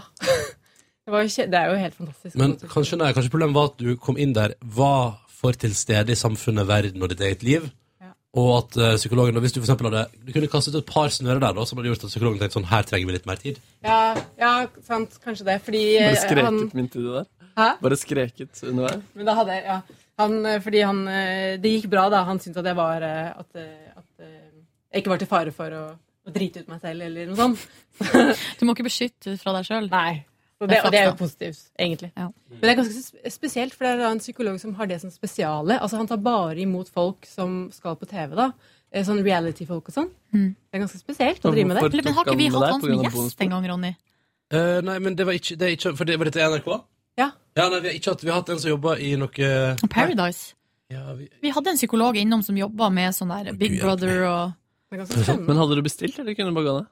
Nei, det var via det Det var ikke, altså, det var ikke meg. Det var påtvunget. Ja, Ja. måtte gå. Det er interessant hvordan man ofte sier at um, folk må beskyttes eh, mot seg sjøl, men sånn presseetisk så er det egentlig veldig, veldig få som skal beskyttes mot seg sjøl. Ja. Det er mest folk i krise og i sorg, og folk som er erklært eh, eller er umyndiggjort. Ja. Bortsett fra det så har egentlig alle på en måte en rett til en stemme i offentligheten på et vis. Ok. Men det er bare snakk om at kanskje man av og til ikke burde la Paradise-generasjonen Ja, det blir noe annet, men man sier ofte sånn 'Å nei, han der burde bli beskytta mot seg sjøl'. Ja. Men de, altså Det, det man mener da, er Å nei, stopp galskapen, hvorfor gir dere dette sendetid? Det er jo det man egentlig Ja, mener. for i det øyeblikket man eh, beskytter noen mot seg sjøl, så fratar man dem Ja. jo makta over sitt eget liv. Eh, Ja. Og det skal man ikke gjøre. Det har vi ikke, ingen rett til. Da Liksom. må vi pakke sammen dere. Herregud, sorry. Hva, er- hva slags, skal dere på et annet eh, aksjonsmøte eller noe sånt? da? Vi skal prate med ei dame. Vi skal til psykolog. ja. Sjekk om vi, Lykke til. om vi jeg, må beskyttes mot oss sjøl. Gruppeterapi. Har vi gjest i morgen? Ja! Ja. Fy fader, Ja. Kim Bodnia. Er det i morgen det er Kim Bodnia? Woot, woot. Ja. Det, de blir så spennende. Å, herregud. Det er gøy. Da må vi lage en trailer for det. Hei. Hør flere podkaster på nrk.no podkast.